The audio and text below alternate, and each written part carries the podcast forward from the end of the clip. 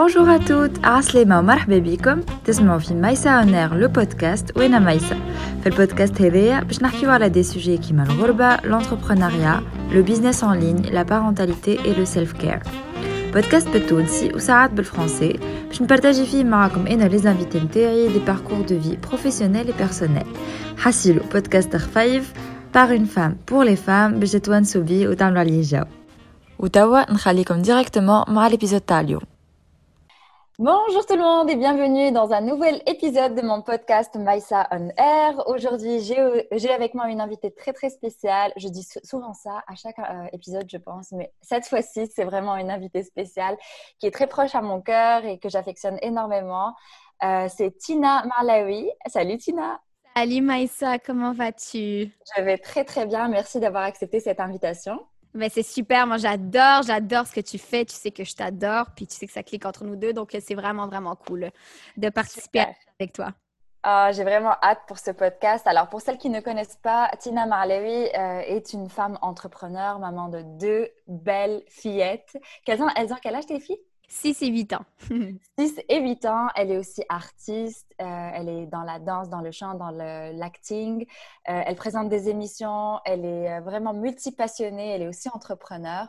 Donc, on va vraiment parler un petit peu de tout ça aujourd'hui. Elle va partager avec nous ses tips and tricks par rapport à sa vie de maman d'entrepreneur et d'artiste. J'ai vraiment hâte pour vous d'écouter ce podcast et on va démarrer tout de suite. God, quelle entrée de jeu! Ouh, mal!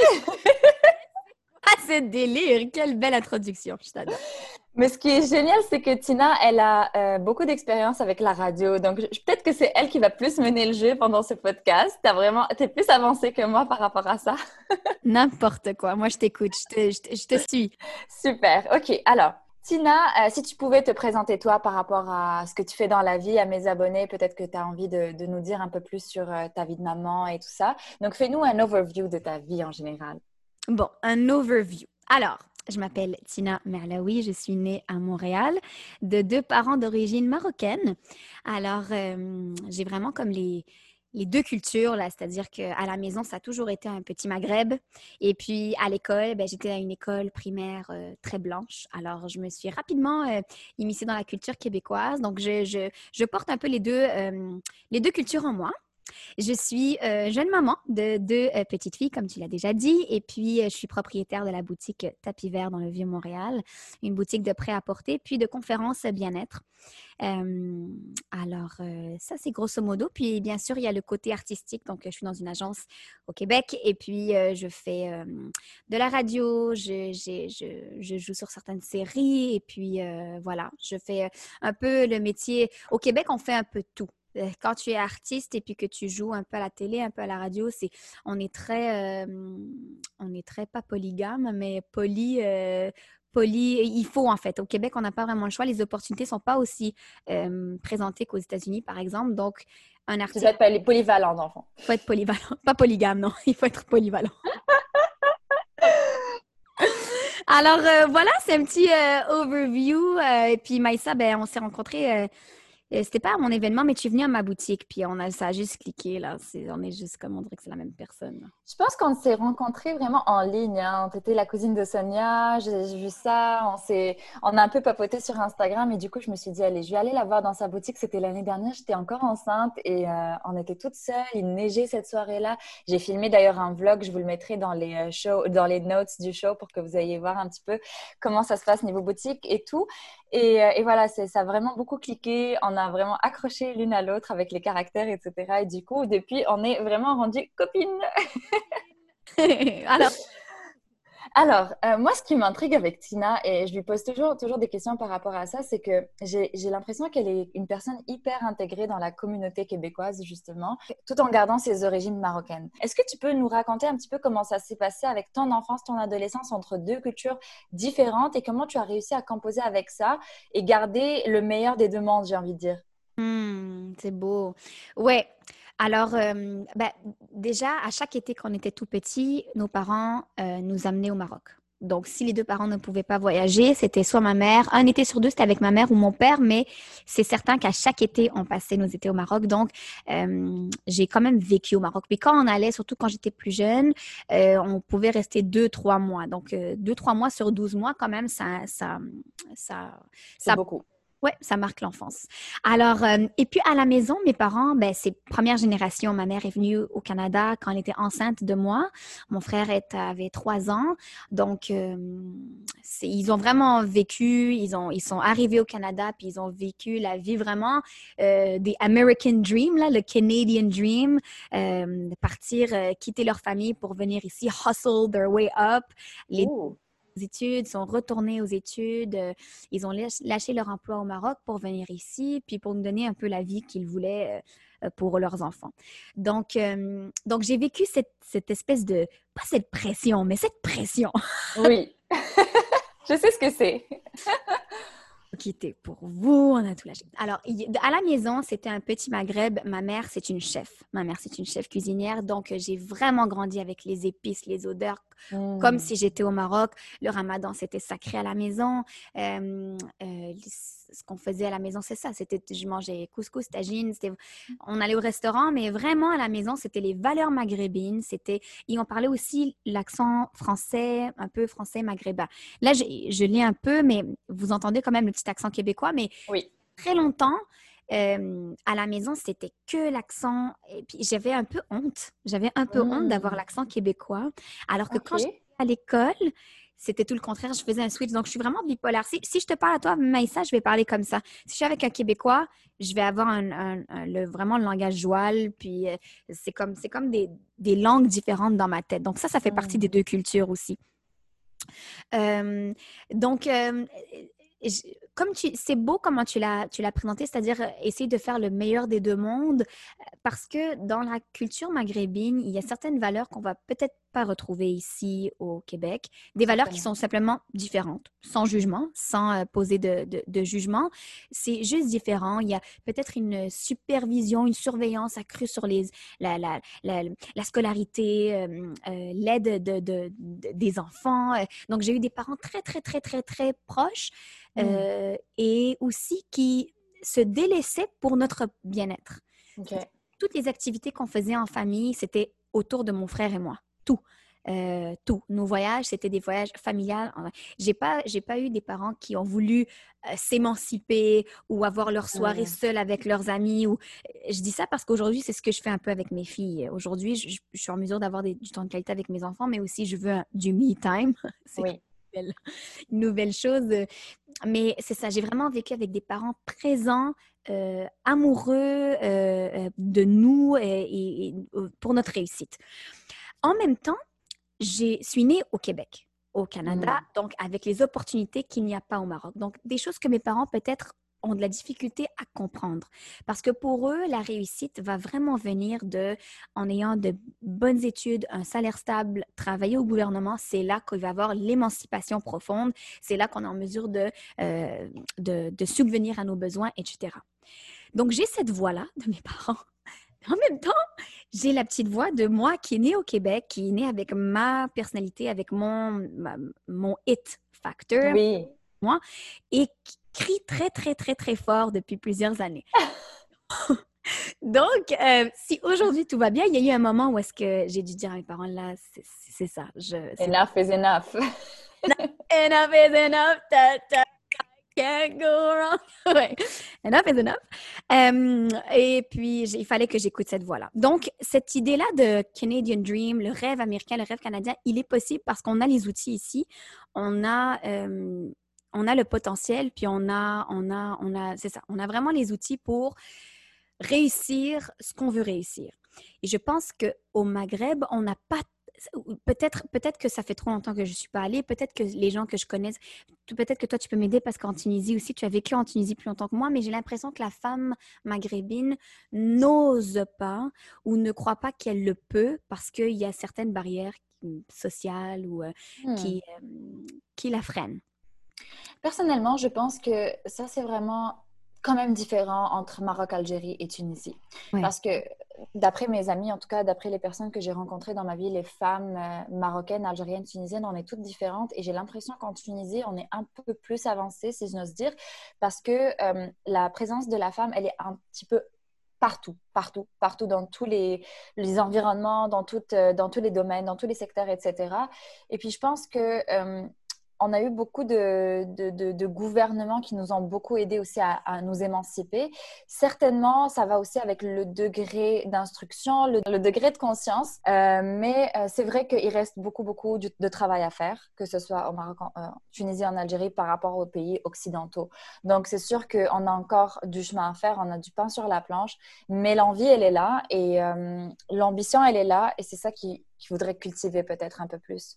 Tout à fait. C'est ce que je, tu dois l'avoir aussi sur tes réseaux sociaux. Là, moi, ce que j'ai, c'est euh, la communauté qui me suit, qui me parle. C'est vraiment ce désir d'émanciper. C'est comment tu fais. C'est toujours une question de. Euh, il n'y a pas de rabaissement. C'est vraiment juste. Ils veulent des outils pour savoir comment faire eux aussi pour avoir cette émancipation d'abord personnelle, puis pour ensuite être en mesure d'avoir une petite carapace qui te permet de de t'en foutre du jugement, en fait. Oui, ça c'est super important. Et d'après toi, est-ce que ça, ça vient avec... Ça vient avec euh, l'acquis?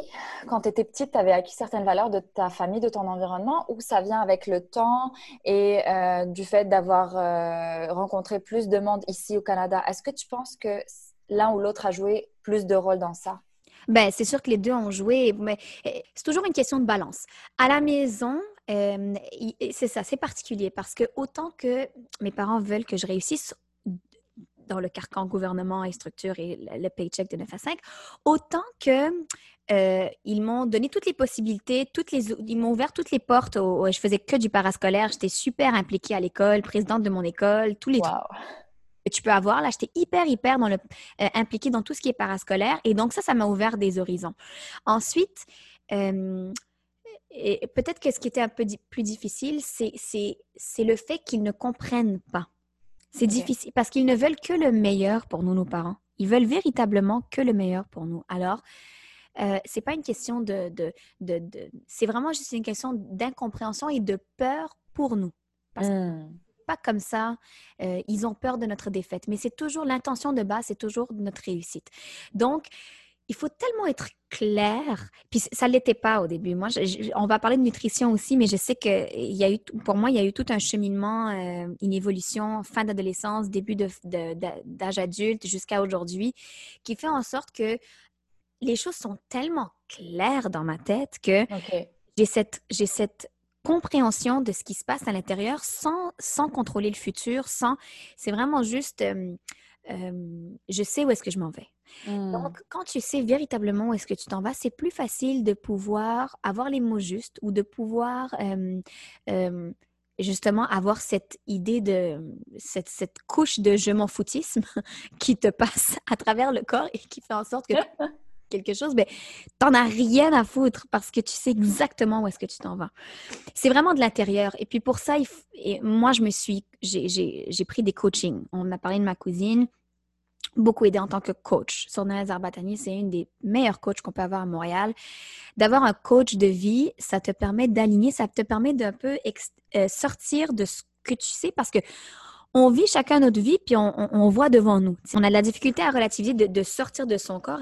Alors, un coach permet de, voir un peu le bigger picture avec toi, mm-hmm. pour pouvoir, pour pouvoir euh, euh, clarifier quelles sont les prochaines étapes dans le but d'arriver à un point X. Et un et ce point X, c'est une, place, tu sais exactement de quoi je parle, c'est une place qui te fait remonter le poil sur tes bras, qui te donne des frissons par rapport à ta propre vie. Tu sais, c'est l'espèce de réalisation où est-ce que tu veux te rendre.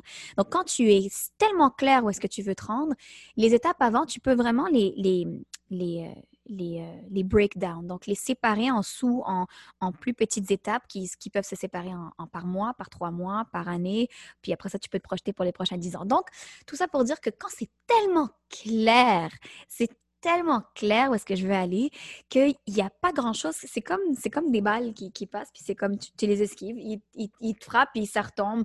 Donc, ça a été un peu ça, mon cheminement personnel. Et c'est pour ça qu'aujourd'hui, mes parents aussi apprécient beaucoup ce que je fais et sont en mesure de comprendre parce qu'il y a aussi cette cette assurance de je, je sais où est-ce que je m'en vais. Puis si je chute, ben, Mm. c'est correct parce que c'est Oui, personnel. c'est parfait. Et justement, en parlant de ça, euh, pour être un peu plus précise, et on va aller un petit peu dans les détails. Qu'est-ce qu'il y qu'est-ce qu'il y avait dans ta tête avant ce moment-là où tu as découvert vraiment ta mission de vie, entre guillemets? Puis, c'est quoi ta mission de vie selon toi? Et aussi, c'est quoi le changement qu'il y a eu avec, dans la relation avec tes parents avant, pendant et après cette découverte-là et cette clarification que tu as eue dans, ton, dans ta vie? Ben, je le recommande pas à tout le monde, mais pour moi, avec mes parents, il y a dû y avoir une espèce de pause. C'est-à-dire Mhm.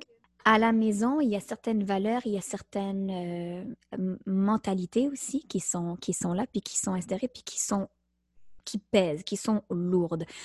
Euh, Pour moi, il y a dû y avoir une, une espèce de séparation, une distance pour revenir encore plus fort. J'ai eu besoin de ça pour pouvoir vraiment m'émanciper parce que sinon, si je restais dans le même mode de vie, dans le même modèle de vie, je, je- savais que je, je- je ferais un petit pas pour reculer de 10, pour en faire un demi, pour reculer de 20.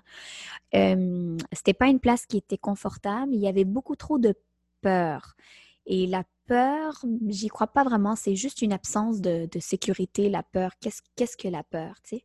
Alors, de vivre dans cette, sous cette pression-là, ça, ça, ça, ça ne m'aidait pas. Donc, j'ai eu besoin de faire cette pause-là qui a duré euh, un, un certain laps de temps. Euh, et puis, en étant en mesure de, de prendre des distances et de pouvoir revenir dans ma tête, puis de, de, de, de me retrouver euh, là, quand j'ai pu avoir ce cheminement-là personnel, puis de revenir de plus belle, euh, là, ça a été ça. A été, ça, a été ça. Euh, je te dirais que c'était sensiblement en même temps que la venue de ma première fille, parce que moi, j'ai 28 ans, donc ma fille a 8 ans, donc je l'ai eue à 20 ans. Et je voulais des enfants jeunes. Très jeune. très jeune. Et je l'ai eu très jeune. Alors, euh, alors euh, c'est ça. ça, Peut-être que ça a commencé là, cette espèce de questionnement de, euh, on, veut le mieux pour toi, on veut le meilleur pour toi, qu'est-ce qui se passe? Donc, donc, donc voilà, il y a eu, ça c'était le, avant. Au, au niveau académique ou scolaire, etc., c'est sûr que quand j'étais jeune, et ça je le recommande pour toute maman, euh, si vous avez des enfants en bas âge et que vous pouvez vous le permettre, et même si vous ne pouvez pas vous le permettre, d'envoyer vos enfants dans du parascolaire. Créer du budget pour envoyer vos enfants dans du parascolaire. Mes parents n'avaient pas le budget, donc ce qu'ils ont fait, c'est qu'ils m'ont envoyé dans les, dans les places centres communautaires. Mhm. Il y a une foule d'activités gratuites. Pour ceux qui nous écoutent de Montréal, du Québec, du Canada, euh, il y a une foule, il y a un plator d'activités. Il faut simplement rechercher. Mes parents ont fait toutes les recherches. Ils n'avaient pas les sous pour nous envoyer à, à cours piano privé, CSA. On- Il n'y avait pas. Mhm. Alors, euh, c'était des étudiants. On a commencé vraiment euh, tout petit, puis après ça, ils ont. Donc, donc euh, voilà. Euh, c'est vraiment une, une richesse parce que moi, je- euh, une chose que je- j'ai jamais, je pense que j'en ai jamais parlé sur mes réseaux sociaux ou en, en public, euh, c'est que j'ai fait du plongeon. Oh, wow! Plongeon de l'âge de 3 ans à 14 ans au niveau national.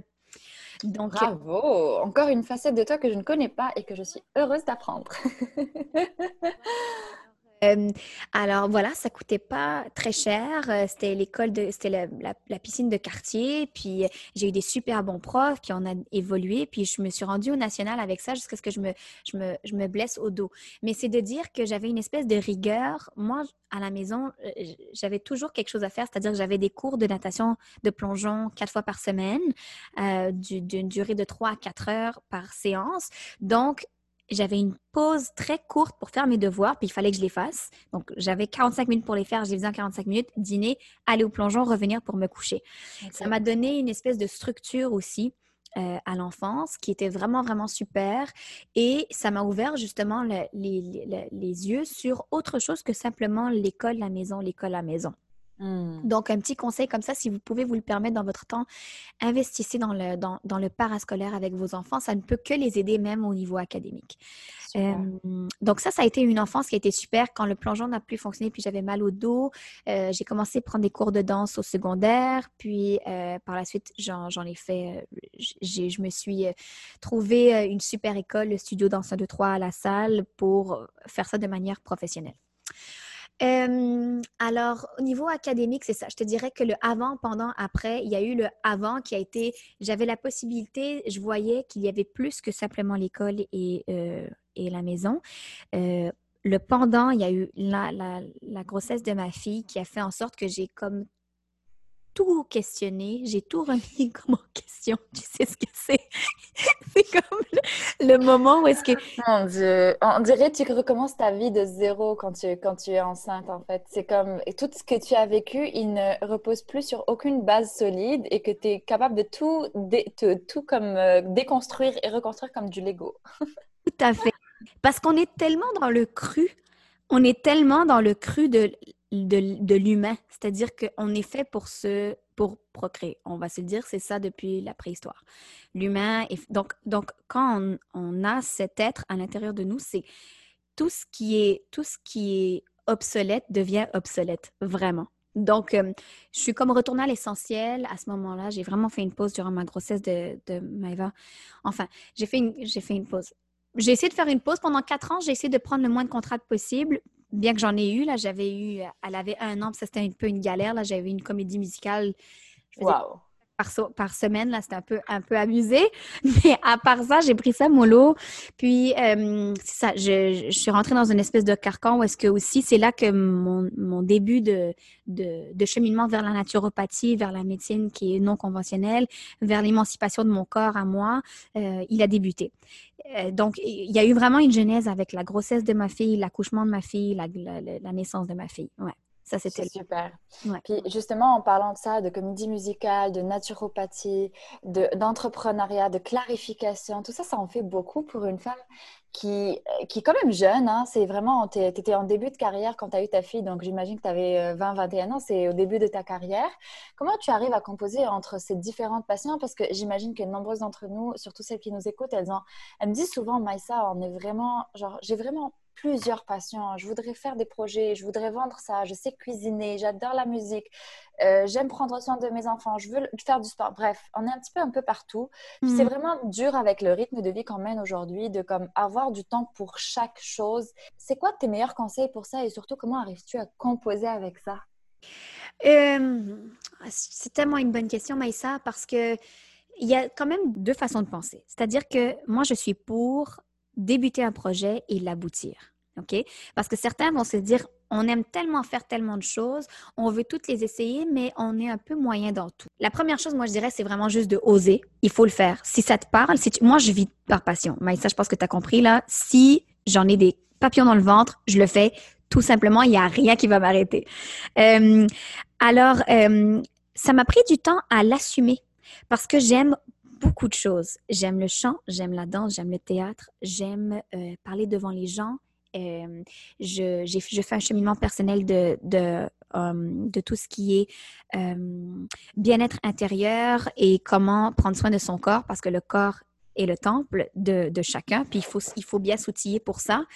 Euh, alors, je me posais la question, comment faire? Parce que tout le monde semblait vouloir me mettre dans une espèce de moule. Mm-hmm. Jusqu'à ce que je me rende compte que des fois, on a besoin d'avoir certains mentors, on a besoin d'avoir des aspirations. J'en trouvais pas autour de moi. Euh, des fois, c'est bien d'en avoir. Tu sais, on va, on va, on va, on va penser gros. On va dire, ok, moi, j'aspire à être comme une Oprah. J'aspire à être comme une telle.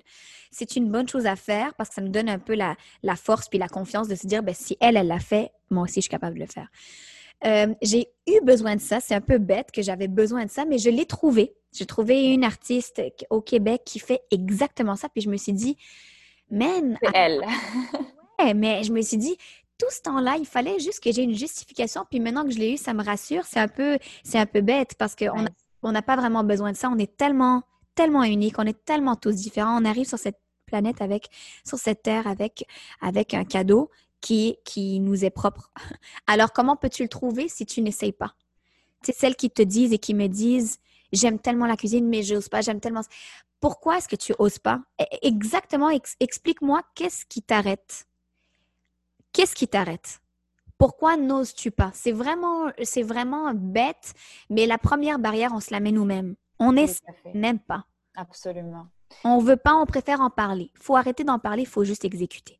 Et puis C'est exactement ça. Puis la réponse que j'ai toujours à dire quand on me pose la question, je trouve pas ma passion. C'est quoi ma passion? Il faut que tu cherches. Oui, mais il faut surtout que tu testes. Ah. La passion, c'est on la découvre en essayant des choses, en, en allant vers les choses nouvelles, en sortant de sa zone de confort, en prenant des livres, en, explorant des thématiques nouvelles et en essayant. C'est vraiment comme ça que tu trouves ta vraie passion. J'adore le fait d'avoir une inspiration. C'est vraiment euh, comme un vision board. On dirait que oui, cette femme l'a essayé, elle a fait, elle a réussi. Donc, je vais juste emprunter le même chemin et j'y arriverai sûrement. C'est comme une permission que tu as le droit de vivre ce rêve-là.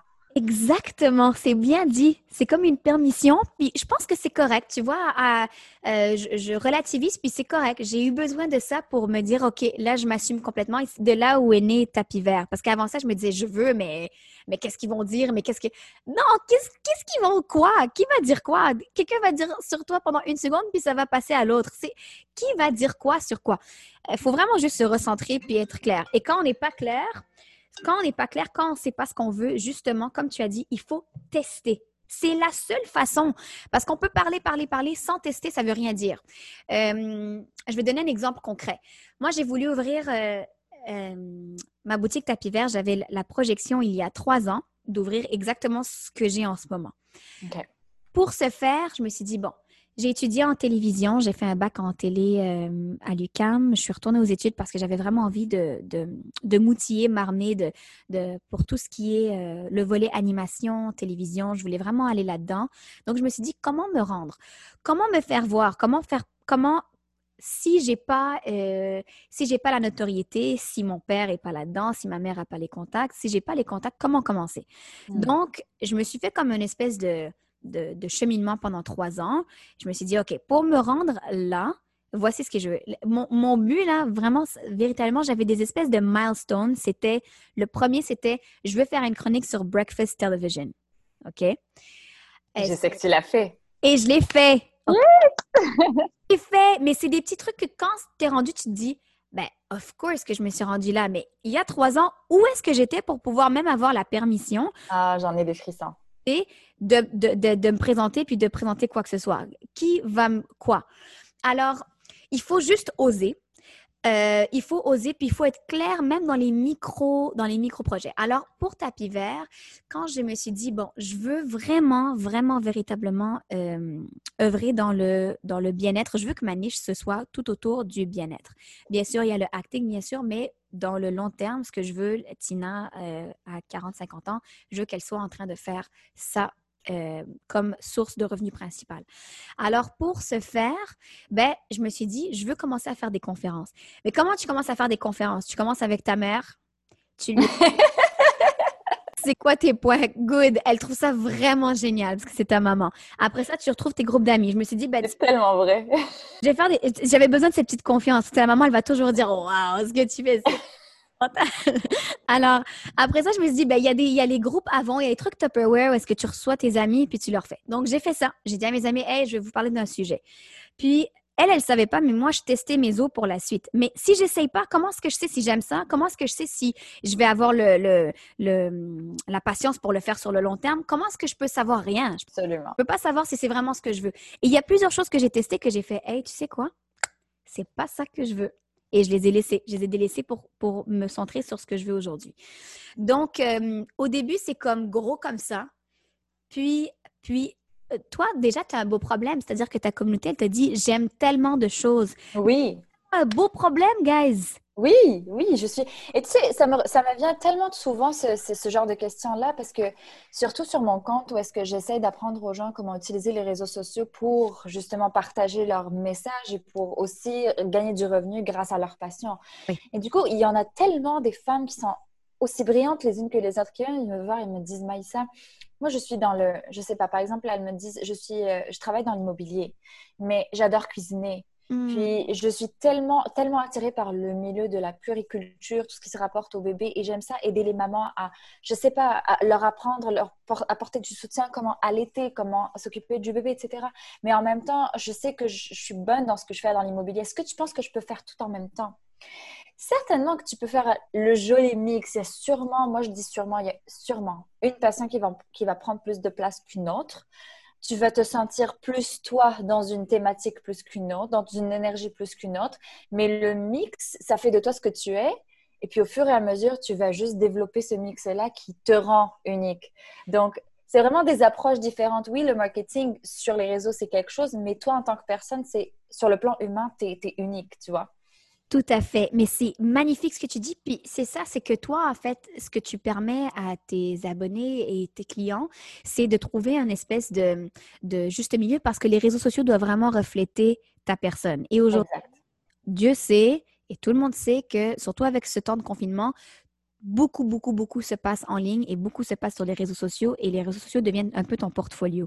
Donc, euh, de balancer, de, faire un, de, de, tester les eaux, en fait, en ayant quelqu'un comme Maïsa qui peut t'outiller pour faire, euh, pour faire tout ton branding personnel et en même temps en testant les eaux véritablement dans le vrai monde, ça fait en sorte que non seulement tu vas voir qu'est-ce que tu aimes, mais tu vas voir aussi qu'est-ce qui, qu'est-ce qui fait réagir tes amis, tes abonnés. Au début, c'est petit, après ça, tu grandis.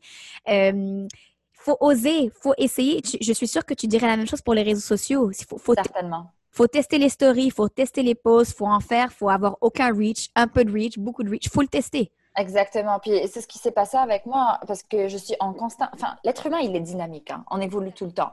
Donc, si aujourd'hui tu aimes une passion, dans cinq ans, il n'y a rien qui garantit que je vais toujours aimer cette passion-là. Moi, c'est tout, ce que je dis tout le temps, c'est parce que j'ai évolué de make-up vers euh, mode, vers lifestyle, vers marketing. Et là, je parle de parentalité. Donc, j'ai fait tout ce cheminement. Il y a des gens qui m'ont suivi de jour, jour zéro à jour aujourd'hui. Et il y a des gens qui sont partis et d'autres qui sont revenus. Donc, finalement, ça fait que ton audience, elle va te ressembler. Sensiblement, elle va te ressembler. Tu vas attirer les bonnes personnes. Comme dans la vraie vie, tu vas attirer les bonnes opportunités. C'est une question d'énergie. Puis, il faut aussi se donner, justement, comme tu l'as dit, la permission de voir quelqu'un qui a réalisé ce qu'on veut faire, puis de prendre ce même chemin et d'avoir cette preuve-là que oui, c'est faisable. Donc, à un moment donné, faut juste essayer, tester. Et si ça ne fonctionne pas, bah, tant pis, on réessaye une autre fois, on, change et on continue. On a tellement peur de la chute. On a tellement peur de la chute qu'on n'essaye même pas. Tout à fait. Euh, moi, je me dis toujours, j'ai cette espèce de coussin de sécurité où est-ce que je me dis que le, c'est, euh, what's the worst case scenario? C'est quoi la pire chose qui peut arriver? OK, la pire chose qui peut arriver, c'est que je fail, que ce soit une catastrophe et ça ne fonctionne pas. Et, et au final, quand je, quand je me dis que ça ne fonctionnera pas, si ça arrive, j'en fais déjà la paix aujourd'hui et j'avance. Donc, il n'y a juste rien qui peut arrêter. Et alhamdoulilah, so far, so good. Alhamdoulilah. Alors, ma question suivante, elle est plutôt sur ton mode de vie. Pour toutes celles qui sont en train de m'écouter aujourd'hui, si vous suivez un petit peu les stories de Tina, vous allez voir que c'est tout le temps en feu, en feu, en feu. Elle passe vraiment ses journées à être euh, euh, sur des shows avec euh, les tam-tams. Là, les shows des tam-tams, c'est vraiment exceptionnel. C'est génial, surtout en temps de confinement. Euh, pour les enfants, elle a toujours de très, très bonnes idées avec ses filles. Elle crée du contenu super intéressant. Euh, vous la trouvez vraiment un petit peu partout, beaucoup d'énergie. Mais moi, avoir essayé ce rythme de vie-là, je trouve que c'est très drainant aussi en termes de, de mental health. Donc, dans tout ce qui est santé mentale, c'est vraiment un gros challenge et un gros défi de pouvoir garder sa sanity en même temps que d'avoir un rythme de vie qui prend autant d'énergie, autant de place et on est tout le temps, tout le temps en train de faire quelque chose. Je ne sais pas comment tu gères ça, mais c'est juste que j'aimerais savoir quelles sont tes meilleures astuces, tes petits secrets pour garder une bonne santé mentale avec ce rythme de vie-là. Ben, avant de commencer, euh, comment est-ce que moi je fais? On est tous tellement différents et moi, je ne suis pas du tout pro euh, le hustle life, OK, et, et euh, s'esquinter parce que c'est la vie et ne pas dormir et, et vivre des, des, des, nuits qui sont très, très, très courtes pour... Je suis vraiment pas pro ça. Anti-Gary V, du coup. Exactement, en fait, du coup. Euh, j'ai vraiment une approche... Euh, holistique et saine de la vie. Ceci dit, comme tu le dis, mon, mon rythme de vie est assez très chargé, mais parce que je l'aime comme ça je l'aime comme ça. quand je peux me le permettre, j'aime me faire des pauses aussi. tu sais, mon but, là, dans 10 ans, là, je suis à la campagne avec mes chèvres, là. C'est comme mon, mon... Oh là là! ultimate goal. Mais quand tu, comment tu fais, comme tu viens de dire que tu voulais à 40-50 ans être, vivre justement de ton côté animatrice, radio, émission télé, etc., être sous les feux du projecteur et en même temps, tu as ce besoin de, de t'écarter et d'aller dans une ferme avec des chèvres. C'est, quoi ce beau mix? Parce qu'on est des humains dynamiques, on est des humains vrais, on est des humains, on est des humains sensibles, puis on a toutes sortes de facettes. Euh, je vais être hyper extravertie, j'aime beaucoup les gens, mais après ça, j'ai trois, trois personnes à qui je parle en continu, que je parle au téléphone. Je suis hyper réservée. J'aime, euh, euh, j'en projette sur les réseaux sociaux, mais il y a une grande partie de ma vie aussi que je projette pas. C'est comme mon jardin secret. J'en ai besoin. C'est nécessaire. C'est vital. C'est, euh, pour moi, c'est mon, c'est, c'est, mon safe zone. Mmh. De, de, de, sécurité, puis j'en donne comme je veux en donner. Or, euh, c'est vrai que j'ai toujours eu un mode de vie très, très, très euh, rythmé. C'est-à-dire qu'au secondaire, j'allais au secondaire, OK. Après ça, j'avais les cours. J'ai commencé euh, un programme professionnel chez Danse de 3 dans lequel je faisais 10 à 15 heures de, de, danse, chant, théâtre en, en, parallèle. Donc, j'avais comme euh, euh, j'avais toujours comme une double vie. Donc, quand je suis devenue adulte, ben, je me suis dit, ben, je vais la continuer. C'est-à-dire que je suis allée aux études, j'ai retourné, j'ai fait un baccalauréat et en même temps, j'avais mes contrats personnels, puis j'avais les filles à la maison. Euh, donc, pour moi, ça fonctionne. C'est-à-dire mmh. j'aime ce rythme de vie et je suis en mesure de puiser mon énergie à des places différentes de manière différente. Mes filles me remplissent, mon travail me remplit et Surtout, je te dirais que la seule façon euh, que je suis en mesure de tenir le coup, et non seulement que je tiens le coup, mais que je suis en vitalité, que je dors la nuit, c'est vraiment grâce à ma nutrition. J'ai mmh. complètement changé mon mode de vie. Quand j'étais plus jeune, de l'âge de toute petite jusqu'à l'adolescence, j'étais un enfant malade. Maïssa, quand je te dis malade, c'était malade. L'hôpital, c'était ma troisième maison. J'avais l'école, la maison, le plongeon, puis l'hôpital. Oh. Nuit là, j'ai les souvenirs très, très jeunes avec mon papa aux urgences. Euh, je faisais de l'asthme chronique, des pneumonies, euh, du, de l'eczéma, psoriasis, tout le truc. Hmm. Réactive au, changement de température. Quand j'allais au Maroc, euh, assurément que j'étais hospitalisée à un certain moment du voyage, tout le oh temps ma vie. Donc, euh, à un moment, euh, quand je. surtout, c'est en fait, même chose, quand je suis tombée enceinte de ma fille, je me suis dit, waouh, je veux lui offrir le meilleur, je veux être le plus en santé pour elle. Et ça a été suffisant, cette, cette ce but-là, pour que je, pour que je me l'offre à moi aussi. Puis Tellement beau. Ça devienne un cercle vicieux, un cercle vertueux, en fait. Euh, une fois que tu rentres là-dedans, ton corps en veut plus, puis, puis, puis, puis j'ai jamais pu euh, sortir de ça. Alors, euh, j'avais tellement le désir d'en apprendre davantage que, bon, je me suis outillée, j'ai lu les livres, les livres de Bernard Jensen, qui est une des sommités en naturopathie, et puis je suis allée étudier en naturopathie avec Christophe. Donc, euh, je m'étais dit peut-être que j'aimerais être naturopathe. Et tu vois, c'est en osant, en essayant, je me suis rendu compte, je me suis dit, tu vois, non, c'est pas. C'est pas ce que j'aime. Non, j'aime le sujet. Je veux le projeter de manière euh, en mode conférence à la télévision. Je veux donner des trucs et astuces pour une meilleure vie, mais je ne veux pas du 1 à 1. C'est pas mon désir. Donc, tu vois, j'ai pu le barrer de ma, de des, des, options que j'avais il y a, il y a, il y a huit ans de cela. Euh, alors, euh, voilà, sensiblement ce que j'ai fait, moi, j'ai j'ai grandi à l'hôpital, OK, et heureusement qu'on a un système de santé et qu'il est gratuit et tout ça. Sauf qu'il y a certaines réponses qui ne sont jamais, que je n'ai jamais eues dans le système conventionnel. Et un jour, il y a une personne qui est venue sur mon chemin puis qui a fait Hey, est-ce que tu, tu aurais considéré faire cela, dans faire ce changement dans ton alimentation? Et Maïssa, ça m'a tellement frappée parce que avant ce jour-là, j'avais jamais fait le lien entre ce que je mange va je me sens. C'est-à-dire que les maux de tête, les, les problèmes de respiration, j'ai jamais fait le lien entre la façon que je suis aujourd'hui, c'est en lien parce que j'ai tellement grandi en étant malade que c'était la fatalité pour moi. C'était une fatalité. Hmm. Je suis née comme ça, tu vois? Ouais. Ben, je me suis dit, OK, c'est intéressant, on va, on va creuser davantage. J'ai pris des, certaines consultations et on m'a dit de couper le lait. Je me dis, attends, deux secondes. Couper le lait va absolument rien enlever à mes problèmes. Euh, je, on ne m'a jamais dit ça depuis que, je, depuis que je suis toute petite. On ne m'a jamais dit qu'il y aurait une cause à effet.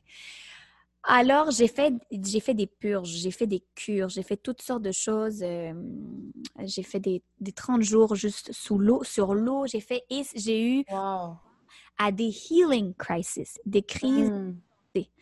Euh, alitées pendant quatre jours, mais ce qui a fait en sorte que j'ai fait un très, très, très gros nettoyage de mon corps. Ça, c'est un, super beau cadeau que j'ai pu m'offrir.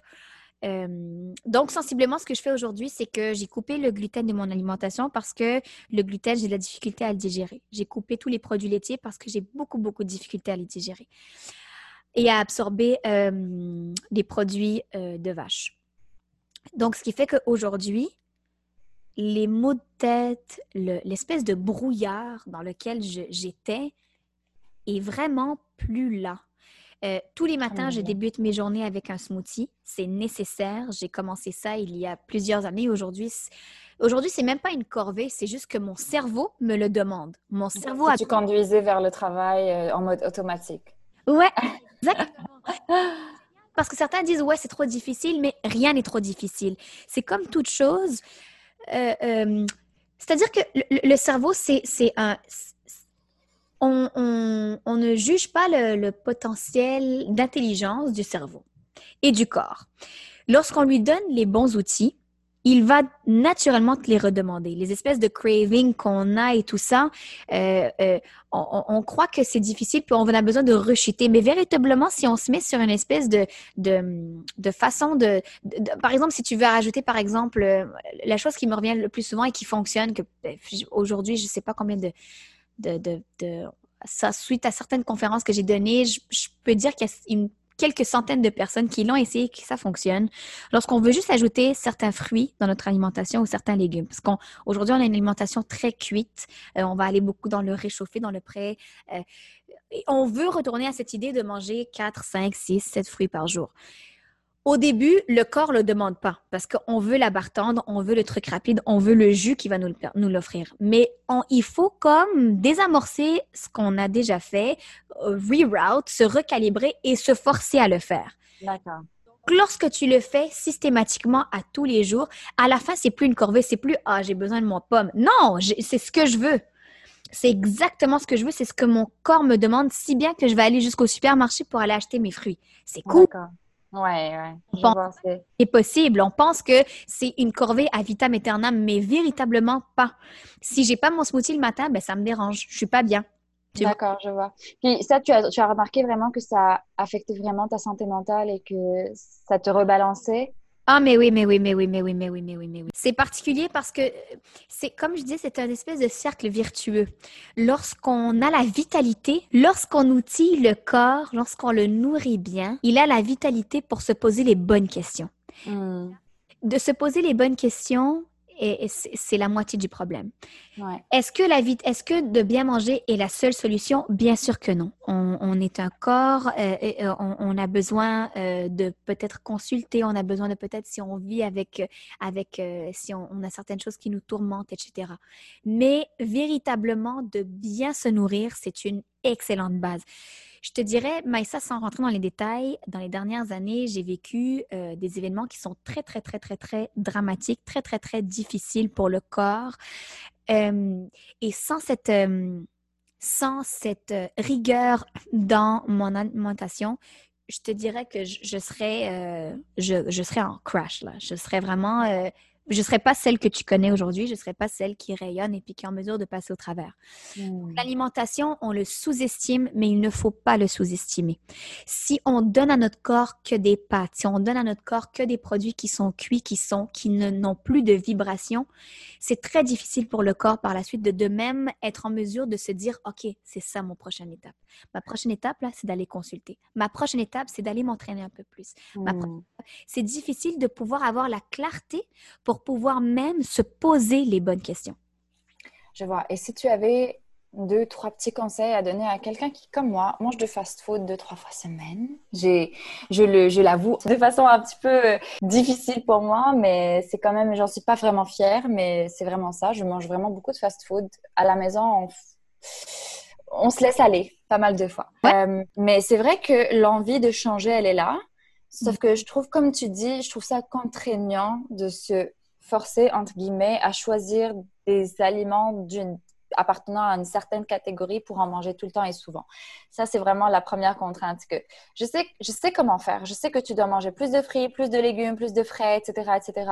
Mais la contrainte temps versus effort est quand même là. Euh, quels seraient tes, vraiment des conseils pour commencer, comme pour amorcer le nouveau rythme de vie, le nouveau lifestyle? Je te dirais, premièrement, il faut bien intégrer le fait que avoir la compréhension que le corps sait ce qu'il veut. OK? Mm-hmm. Lorsqu'on comprend qu'éventuellement ton corps va te le demander de, lui-même, c'est cool. Déjà, on fait Ah, c'est malade. Je pas, je l'aurais pas comme une corvée, comme un fardeau. OK? Mm. L'intelligence universelle est présente, OK? Et le, corps veut tellement... J'en ris parce qu'aujourd'hui, je le vois parce que j'étais tellement pas là avant. OK. Aujourd'hui, tu sais.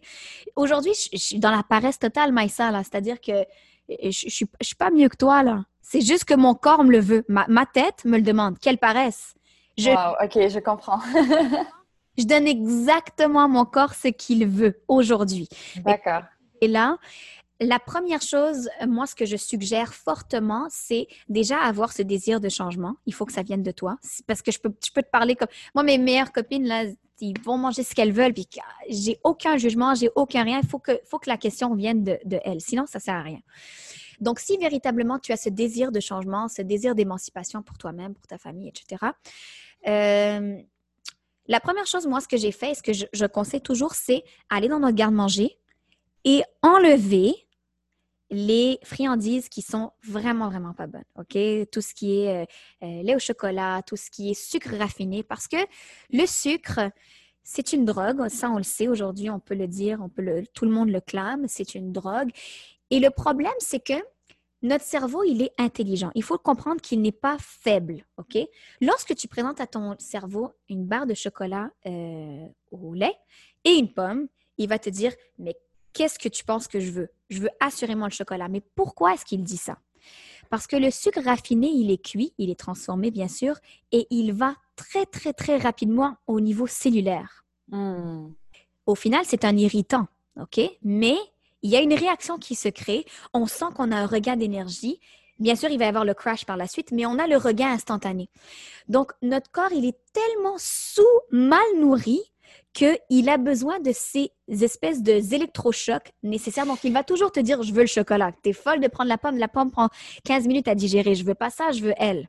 Lorsqu'on comprend ça, puis on se dit, bon, j'ai compris la game. OK, je suis d'attaque. La première chose qu'il faut faire, c'est aller dans nos, dans nos, dans nos euh, étagères et enlever les produits et faire vraiment, la première fois, il faut le faire de manière drastique. C'est-à-dire...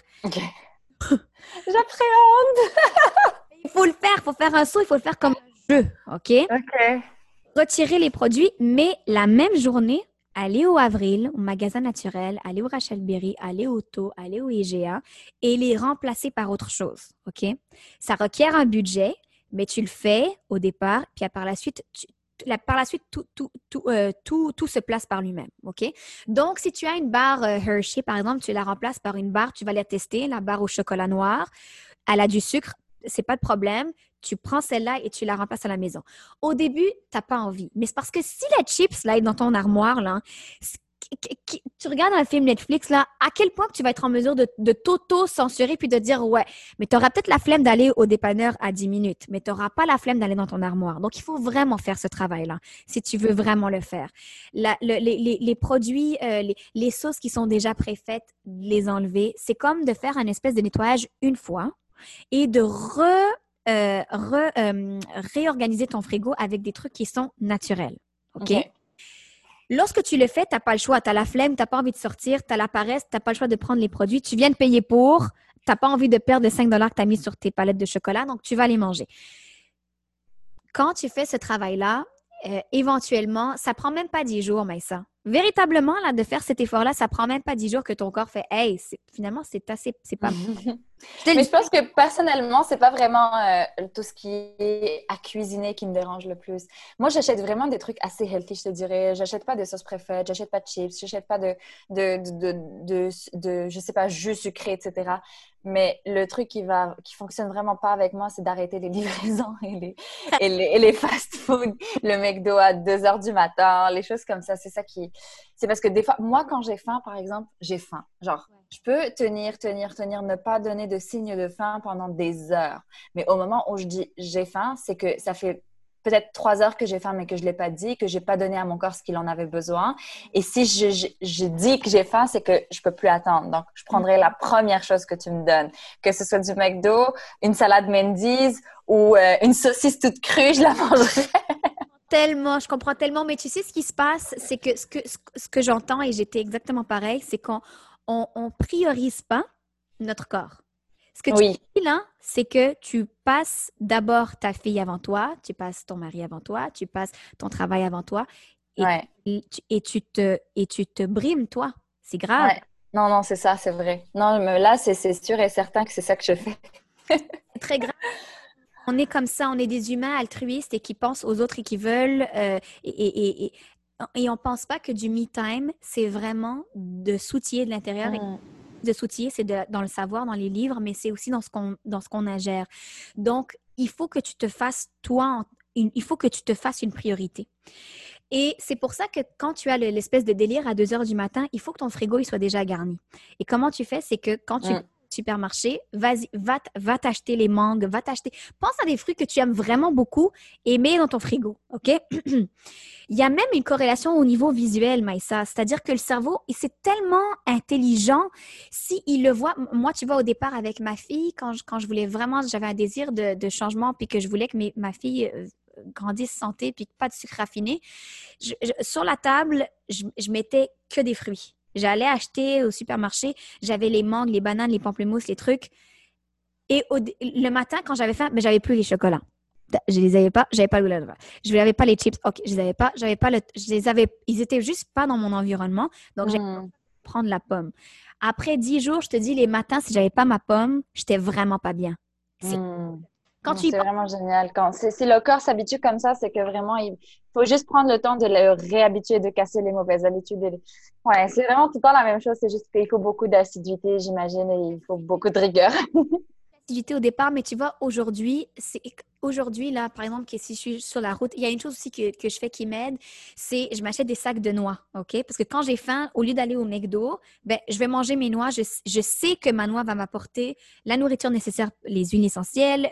Le, je, je, sais que ça va me donner la fortification que j'ai besoin pour avancer dans ma journée. Donc, de les avoir à portée de main, ça aide. Une pomme dans le sac à dos, ça aide. Comme ça, quand tu es dans un délire où est-ce que tu ne penses pas à toi, tu penses à tes enfants, ben, tu t'es déjà, la maïssa euh, préparée, t'as déjà aidé. Puis les noix, ça périme pas, OK? Des sachets. Tu vas chez Costco une fois, tu t'en achètes des bacs, puis ils sont là. Et ils sont là, ils peuvent rester là pendant très longtemps. Donc, c'est comme de se tricky. Au début, de, de, de, s'auto-piéger, d'être, d'être un peu près, mais, mais ça ne demande pas beaucoup d'efforts. Le sac de noix, ça ne demande rien. Euh, et, et, et c'est-à-dire que on parlait tout à l'heure que pour faire des changements ou pour, il faut avoir des, exemples ou des mentors. Moi, je vous dirais que où est-ce que j'en suis rendue aujourd'hui? Si j'ai le choix entre un McDo ou un autre chose, je préfère ne pas manger que d'aller au McDo parce que je sais, je sais aujourd'hui mon corps et j'ai encore beaucoup de travail à faire je, ressens les bienfaits, j'en ressens le sommeil réparateur, j'en ressens le fait que la nuit, je dors bien, je me réveille avec vitalité. J'aime tellement ça que je veux plus retourner en arrière. Et un je vois qu'on a beaucoup passé de temps, mais j'aurais peut-être un petit exercice pour, euh, pour tes abonnés, peut-être que tu le connais, mais qui a vraiment changé ma vie. Euh, pour n'importe quel des sujets qu'on a parlé aujourd'hui ensemble, je vous invite à faire un espèce de, d'exercice qui m'a vraiment, vraiment aidé. Vous prenez une feuille, vous faites un espèce de grillage comme ça, et vous mettez d'un côté euh, choses que vous faites qui vous contraignent, les choses qui vous trouvez lourdes, tu sais, que vous dites, ça y est, je suis tannée d'avoir, de faire ça à chaque fois. Ça peut être n'importe quoi. Par exemple, je suis tannée de manger du fast-food trois fois par semaine, par exemple. OK? Donc, vous l'écrivez euh, ici. Ensuite, dans les deux colonnes ici, la première, vous dites qu'est-ce que ça vous apporte de garder cette habitude dans votre vie? Et, véritablement. Donc, par exemple, si tu dis, toi, Maïssa, le fait de manger trois fois par jour, qu'est-ce que ça t'apporte? Ça m'apporte d'être euh, rassasiée sans fournir d'efforts. Là, j'ai le ventre plein sans pour autant cuisiner ou, ou attendre. Ensuite, dans l'autre catégorie, vous écrivez en gardant cette habitude, qu'est-ce que ça... Qu'est-ce que tu abandonnes? Qu'est-ce que tu abandonnes? Oui, je, pense juste en anglais. Qu'est-ce que tu abandonnes euh, en gardant cette habitude dans ta vie? la bonne santé, euh, tout, tout, ce qui est euh, santé physique d'enfant avec tout le gras qu'on s'ingère, c'est vraiment la meilleure solution. La, la, vitalité pour être plus proche de ta fille, pour être en mesure de dormir bien la nuit, pour être en mesure de peut-être aspirer à faire d'autres projets que tu veux vraiment faire, mais que tu n'as peut-être pas le temps. Et là, ce qui est beau, c'est que c'est vos propres mots, c'est vos propres exemples de vous. Mmh. Et là, tu fais la comparaison et tu te dis, est-ce que où est-ce que je suis en vaut la peine? Est-ce que ça vaut la peine de garder cette habitude-là dans notre vie? Ou est-ce qu'il vaut mieux trouver des outils pour parvenir à passer au travers et se rendre dans les espèces d'une utopie où est-ce qu'on veut se rendre? Moi, ça a été vrai, faire ce travail-là sur plusieurs aspects de ma vie. Ça a été la façon que j'ai pu casser certaines, certaines, euh, certaines euh, habitudes malsaines que j'avais. Hmm. Ça, peut être n'importe quoi. Tout à l'heure, on parlait du fait de le, le, fait que certaines ont des passions mais ne veulent pas les faire. La fille qui est investisseur puis qui veut faire de la cuisine. Qu'est-ce que tu gagnes à ne pas le faire? Oui, c'est vrai. Tu gagnes à, pouvoir en parler, puis te justifier, puis être vulnérable, puis, puis avoir des choses à dire à tes amis. Puis, puis... Mais qu'est-ce que tu perds à ne pas le faire? Tu sais, c'est ça C'est parfait. Moi, je, vais être la première à faire cet exercice et j'attends énormément de contenu de ce genre sur ton compte Instagram aussi. Il faudrait que peut-être que tu te lances en podcast aussi. Ça devrait, ça, ferait vraiment euh, quelque chose de super intéressant, surtout sur ce sujet-là, parce que j'ai l'impression que tu as beaucoup à donner. Tu as une expérience qui t'a vraiment beaucoup apporté. Euh, c'est riche en conseils, c'est riche en vécu aussi. Surtout le fait que tu as des enfants, donc j'imagine que tu veux, tu veux vraiment leur apporter le meilleur et pourrait toutes s'inspirer de toi dans, sur ce côté-là. Je vous invite vraiment à aller checker le compte Instagram de Tina. Euh, il y en a de tout. Vous voyez le beau mix qu'on a eu aujourd'hui. Vous allez le retrouver sur son compte Instagram à Tina Marlaoui. Je vais vous le laisser dans les euh, notes du show. Euh, sinon, un petit mot de la fin, Tina? Ah, mais qu'est-ce que je peux nous souhaiter? Qu'est-ce que je peux vous dire? Que oser. S-E-Z. Oser. Tellement bon message. OK, faites-le. Maïssa en est la preuve, j'en suis la preuve. Juste faites-le. Vous n'allez pas regretter. Merci beaucoup, Tina, d'avoir vraiment participé à ce beau, beau, beau euh, podcast et à cette belle euh, énergie que tu as. Merci pour ton honnêteté, ta franchise, ton cœur ouvert. Et j'espère te retrouver très bientôt dans un nouvel épisode. Le tien ou le mien, ça me fera plaisir de parler plus avec toi sur beaucoup d'autres sujets. Je t'embrasse. Gros bisous. À très vite. N'hésitez pas à partager si vous écoutez ce podcast. Faites un screenshot, taguez Tina, taguez mon compte Instagram à moi. On se fera un plaisir de vous reposter. Et à très bientôt dans un nouvel épisode. Bye. Bye.